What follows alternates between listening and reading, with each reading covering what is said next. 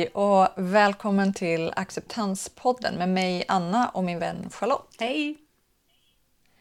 Idag pratar vi om hur vår vardag ser ut och vi tänker att du som kan ha nytta av att lyssna på det här eh, det kan vara du som arbetar inom skolan, det kan vara du som är NPF-förälder själv eller så är du kanske mor och farförälder till barn med diagnoser. Och vi vill att du som inte lever med det här ska få en förståelse för hur det kan vara. Och om det är så att du är exempelvis lärare och möter oss föräldrar så är det faktiskt väldigt bra att ha en inblick i den konstanta stress som vi lever under. Och du som lever med det här, du kan antagligen känna igen dig och känna att vi är fler som kämpar med det här, med det här och det är inte bara du. Mm. Så eh, hur eh, vill du börja med ge dig in i din vardag Charlotte? Ja, eh, det blir ju bara en ytterst liten del. Vi skrapar lite på ytan. Men eh, Mm. tid. eh, Min son han har ju väldigt svårt med tidsuppfattning. Mm. Exempelvis att skilja på det som om det hände igår, i förrgår eller om det var förra veckan. Det har han ingen. Han är 13 år men han har fortfarande ingen pejl på det. Nej. Och han har även svårt att uppskatta tid. Så när vi säger eh, att ja, vi badar med dig i poolen en halvtimme, vilket är jättelångt för oss. Mm. då, då tycker han inte att det är tillräckligt och säger att det är, har bara gått fem minuter. Så Ja. att då har vi börjat få ställa äggklockan så att han ser att vi Ja. vrider upp den en halvtimme och när det har gått en halvtimme eh, då får vi lov att gå upp. Då slipper vi det tjatet. Mm. Eh, Men eh, om, om vi inte gör det och han tror att vi bara har badat fem minuter, då är vi tråkiga och då tycker han att det är ingen idé att bada alls. Så nästa dag Nej. badar han inte. Tills vi Ah, då Så, kom på det här med, med att ja, om vi ställer äggklockan så löser det sig. då blir det visuellt synligt för honom och han kan lita på det ni säger och visar ihop. Precis. För innan ljög Ja. vi ju bara då. Ja. I hans värld. Ja. Ja. ja, vilken bra lösning. Ja. Eh, och sen är det, är, det är lite roligt, det är sånt här man ofta skrattar åt, men det är extremt viktigt att det som är bestämt händer på minuten. Så jag kan inte komma in 7.58 och säga att ja, nu är klockan åtta, nu är det dags att stänga av Playstation. För då ljuger jag. För klockan är ju faktiskt bara 7.58. Mhm. Och det är samma om jag blir försenad med något två minuter. Och det här lägger ju en jättepress på oss föräldrar. Liksom att hela tiden behöva vara på sekunden. Liksom. Ja, verkligen. Mm. Och sen har vi alla måsten och krav. Han, och det är väl inget barn som tycker om att bli tillsagd vad man ska göra. Men han är extrem på det att han, han tycker inte om att bli tillsagd vad han ska göra. Mm. Och eh, då har vi på grund av hans nuvarande mående, han har ju otroligt mycket ångest och får behandling för detta. Då har vi varit tvungna att dra ner på alla måsten och krav. Mm. Och då tar vi bort hinder eh, för honom. För att hans dag överhuvudtaget ska kunna flyta på.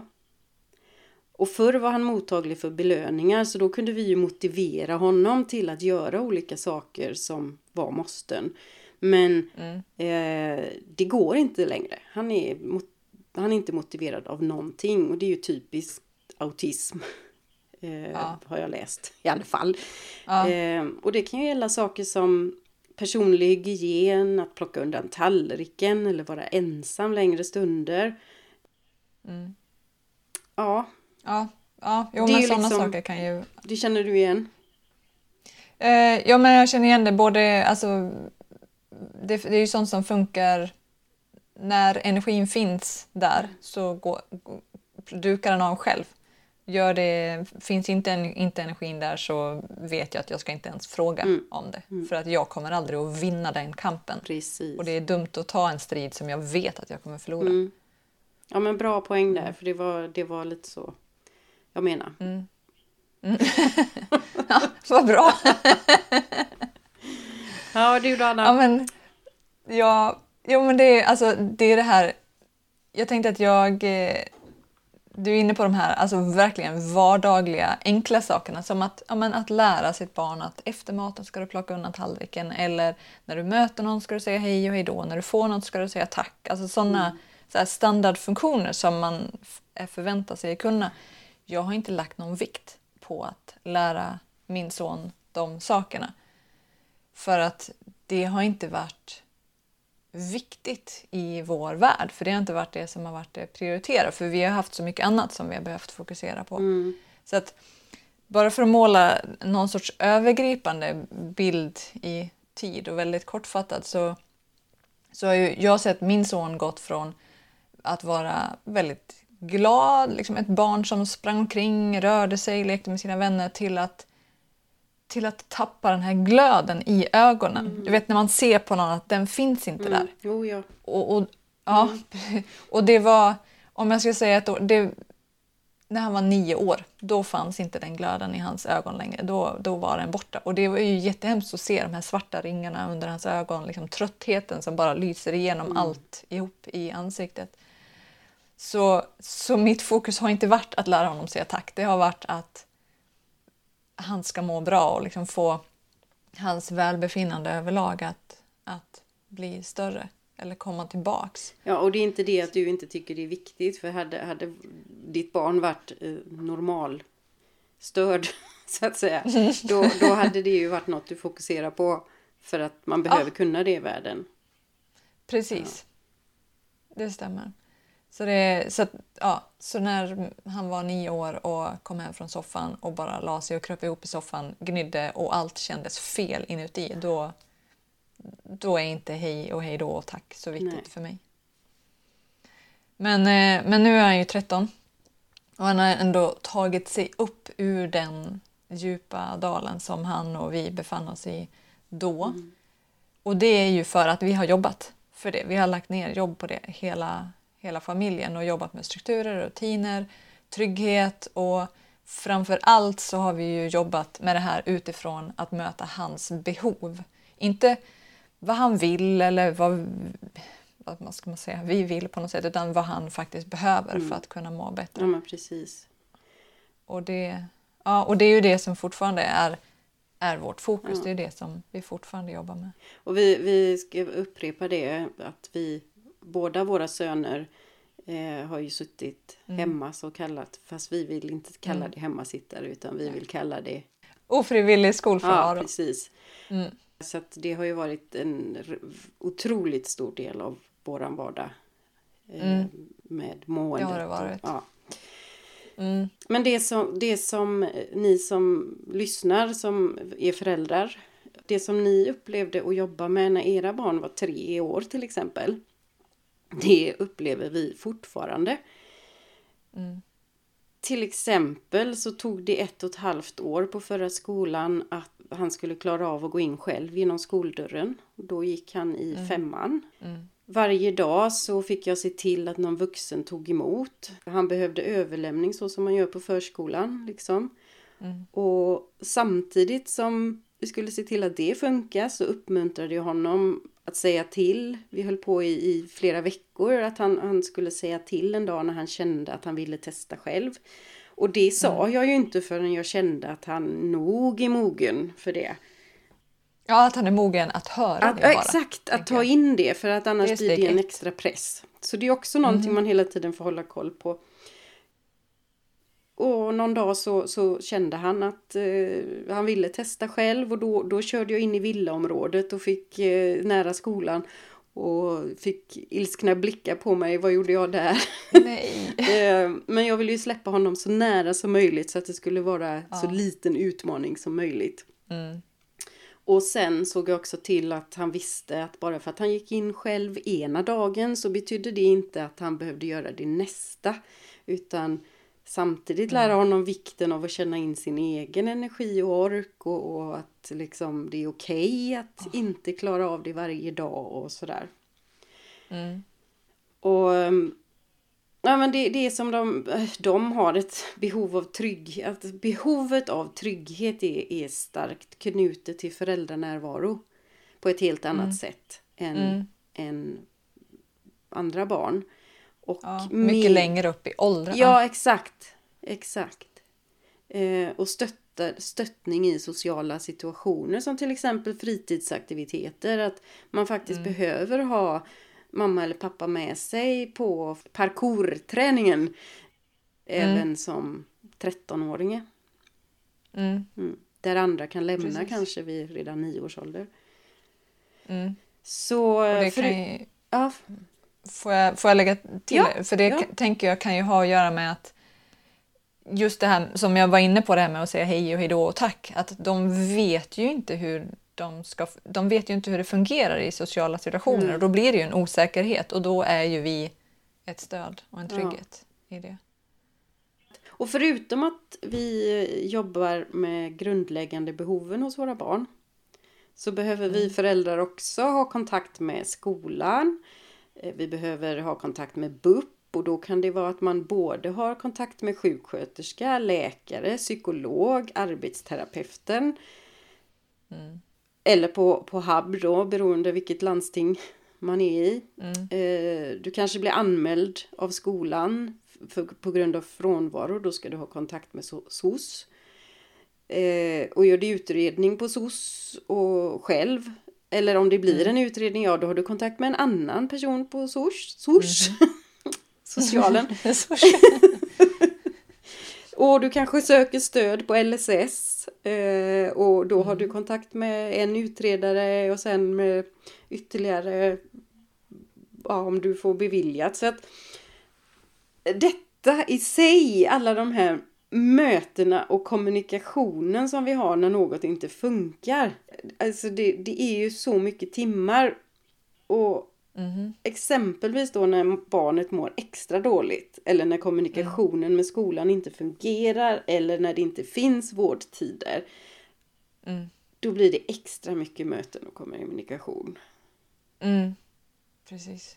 Det blir ju det. Och samtidigt så är vi extra oroliga och över våra barn när det händer. Ja, 4000. Ja, och det, det här med olika kontaktpersoner, det kan ju även vara gentemot skolan. Jag vet att vissa skolor har som någon sorts policy att det ska vara en, att föräldrarna ska ha en kontaktperson. Men tidigare när vår son var yngre så när vi frågade okej men vi behöver veta vad som händer på, på alla de här olika lektionerna och då är det ju olika lärare, olika ämneslärare. Nej, just det. Och då fick vi svaret att ja, men vi får ta kontakt med var och en av lärarna Oj. för att få veta vad händer på den här lektionen. Och, och då är det så här, då får man reda på okej, vem är det där? Ska jag ringa? Ska jag mejla? Och sen så vet man ju inte vad har de för inställning till NPF. Jag kanske aldrig har träffat dem överhuvudtaget. Hur... Så det blir också ytterligare att ha koll på och det är för att jag då kvällen innan, veckan innan ska kunna förbereda för skolan och hur den ser ut för att skapa den här tryggheten. Och detta skapar ju jättestress. Jag vill bara inflika att det, det kom ju ut en, en, eh, en rapport för ett halvår sedan. Eh, utredning på att föräldrar till barn med NPF har högre kortisolnivå än en soldat i strids eh, eller combatläge. Mm. Och så här går vi år ut och år in. Så Mhm. ja, våra Mm. kortisolnivåer kanske är ja, Ja, eller våra stressnivåer. Ja. Kortisol är så, har man det, har, gå in på detaljer, men kortisolnivå, om man är stressad väldigt länge då går kortisolnivån snarare ner sen och det är därför man blir väldigt trött och Mhm. utmattad till exempel. Så att det här till exempel, om man bara får ta en bit, så om man börjar känna sig väldigt trött och kanske helt plötsligt har svårt att gå upp på morgonen så är det för att ja, men, kortisolnivån ska egentligen pika då för att hjälpa en att komma upp. Och märker man att man blir väldigt, väldigt trött där så kan det faktiskt vara värt att kolla upp med en läkare. Hur mår jag faktiskt? Hur är min stressnivå? ah, Hur... Men eh, ja. Nej, så det är stress. eh, För vi hade ju det här apropå att göra mycket, mycket, mycket helt enkelt. ja. Så under en period för några år sedan när det var som tuffast egentligen i, eh, för sonen och hur han mådde, då, då la vi, för vi började räkna efter, hur lång tid tar det för oss föräldrar? Hur mycket tid lägger vi i veckan på, på möten, på, på att skicka mejl, på att, eh, allt det vi gjorde? Och då la vi 40 timmar extra var per, per vecka Oj. som var lite så administrativt arbete och det var ja, men kommunikation, Mm. det inklu inkluderade att skriva anmälan till Skolinspektionen, överklaga åtgärdsprogrammet när vi fick det. Eh, så det är liksom 40 timmar per vecka administrativt arbete för att hjälpa vår son att må bra. Sen förväntas man ha ett arbete och tjäna pengar så man kan leva. Sen förväntas man vara förälder som ska finnas där och motivera barnet, strukturera vardagen när barnet mår jättedåligt. Och, och sen då? Mm. Jag vet inte, ska och man sen sova har man sin också? eller? egen ångest ovanpå detta för att man inte är den där perfekta Aha. föräldern. Ja, nej, så det var Men Och det 40 här- timmar alltså. Ja, Ja. 40 timmar. En heltidstjänst. Eh, ja. Ja, jag vet. Förutom allt annat. Så det är ju inte konstigt om vi har en hög stressnivå i kroppen. Och jag har sett ibland folk som skriver att de har, alltså det är så höga siffror på antal möten per vecka så det, jag kan, det låter osannolikt att man inte kan hantera det nästan. Men, eh, men om man liksom tar igen så här, ja, men hur ser min vardag ut? Vad är den? För, för nu, det är ju min vardag, det är ju så den alltid är. Men sen han var sex år så har jag inte hämtat honom efter klockan ett på förskolan eller skolan utan det är den senaste tiden som jag har hämtat honom eller eh, hans pappa. Och sen när han var tio så har han ju knappt klarat av att gå till skolan.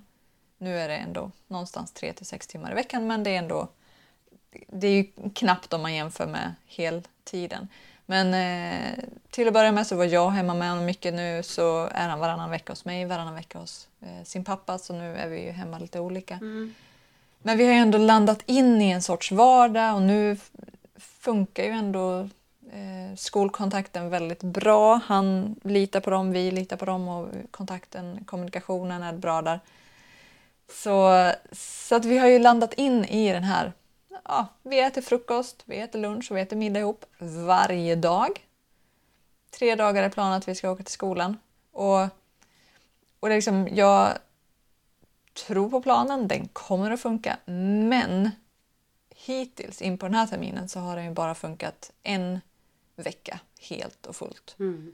Och vi pratade om det här häromdagen. Det här med när de inte kommer iväg till skolan och egent, egentligen vad som hände med oss i det läget. Ja, då ringde jag dig eh, helt uppgiven. för då hade det gått så bra ett tag och då hinner man glömma Mm. hur, hur det känns liksom. Mm, När det då inte funkar. mm, Och, och, och det hade ju funkat även för oss så jättebra en vecka på den här terminen. Då har gått de här sex timmarna han skulle gå mm, vid tre tillfällen, liksom totalt sex timmar. Och så är det dag två denna veckan och han kommer inte iväg och alltså har missat två dagar i skolan. mm, mm. Ja, jag vet. Och Och, då- det var ju också... Ja, Och den, den ångesten, liksom. Mhm. Eh, jag får I att dig. jag är en så dålig förälder. För att jag inte lyckas Precis. få iväg honom till skolan. ja, Trots att jag vet att han har gjort jätteframsteg. För hela förra terminen var han i skolan en och en halv timme i varje vecka. Och nu har han liksom kommit upp till sex timmar en vecka och kan göra annat. Eh, som att vara ute och promenera eller eh, mhm, ja. Och det första jag känner då är bara misslyckande. ja. Jo, men det var ju samma för mig. För det var i, tidigare den här veckan så fick jag ett, eh, ett meddelande från eh, hans pappa att ah, nej, jag får inte iväg honom till skolan idag. Mm. Han säger att han är trött och ont i magen. Och min första reaktion var också ett misslyckande från oss föräldrars sida. Och, och det, det är så hemskt vad det sitter djupt. Ja. Och vi har ju inte, absolut inte en... För man, man känner en skuldkänsla gentemot skolan. Eh, vad ska de tycka? Nu tycker de säkert att vi har misslyckats. Och, och, och våran skola är ju helt fantastisk. Och skulle... Jag tror inte för en sekund att de tänker den tanken. Men ändå i oss så sitter det Mhm. så djupt. Mm. Tills vi kan Verkligen. peppa varandra och liksom känna att nej men gud, vi, det här är, det är faktiskt en vinst. Tänk på allt som har hänt den senaste tiden och så. Ja. Ehm, men hade vi Precis, inte haft varandra hade- eller andra som förstår, Mm. då, jag vet inte, man hade inte mått Nej. bra. Nej, man hade ju inte det. Och det var ju så sån tur också att när vi pratade om det här precis så hade jag varit hos BUP-läkaren och vi hade liksom stämt av hur det hade sett ut Mm. inför hösten och skolstart.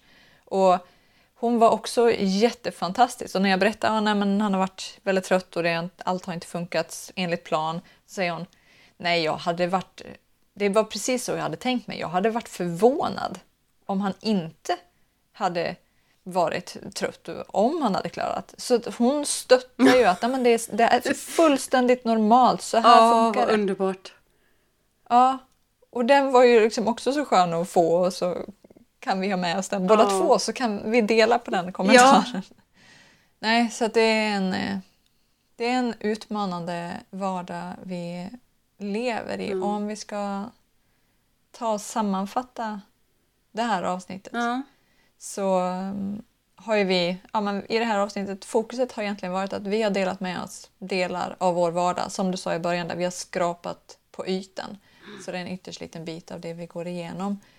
Och vi bär ofta på en konstant oro över våra barns hälsa. Mm. Och vi har ofta en konstant oro över om vårt barn kommer att kunna ta sig till skolan. Och har ofta en konstant hög stressnivå i oss själva. Mm. Så det vi önskar från omvärlden är en förståelse om att vi ofta lever i konstant kris. Och särskilt när det inte funkar alls som det ska. Och också en förståelse om att vi gör allt för våra barn. Och vi vill inget hellre än att de ska må bra, att de ska gå till skolan och kunna leva ett liv som en del av Mm. vårt samhälle. ja, det är vår högsta önskan. Mm. Verkligen, det är det vi kämpar Mm. för dag ut och dag in. Och i nästa avsnitt så pratar vi om glappen i stöden som man kan få. För det finns ju en hel del stöd att söka. Men inget stöd som täcker exempelvis förlorad inkomst när du behöver vara hemma med ditt barn under en längre tid. Så missa inte nästa avsnitt av Acceptanspodden. Hej då!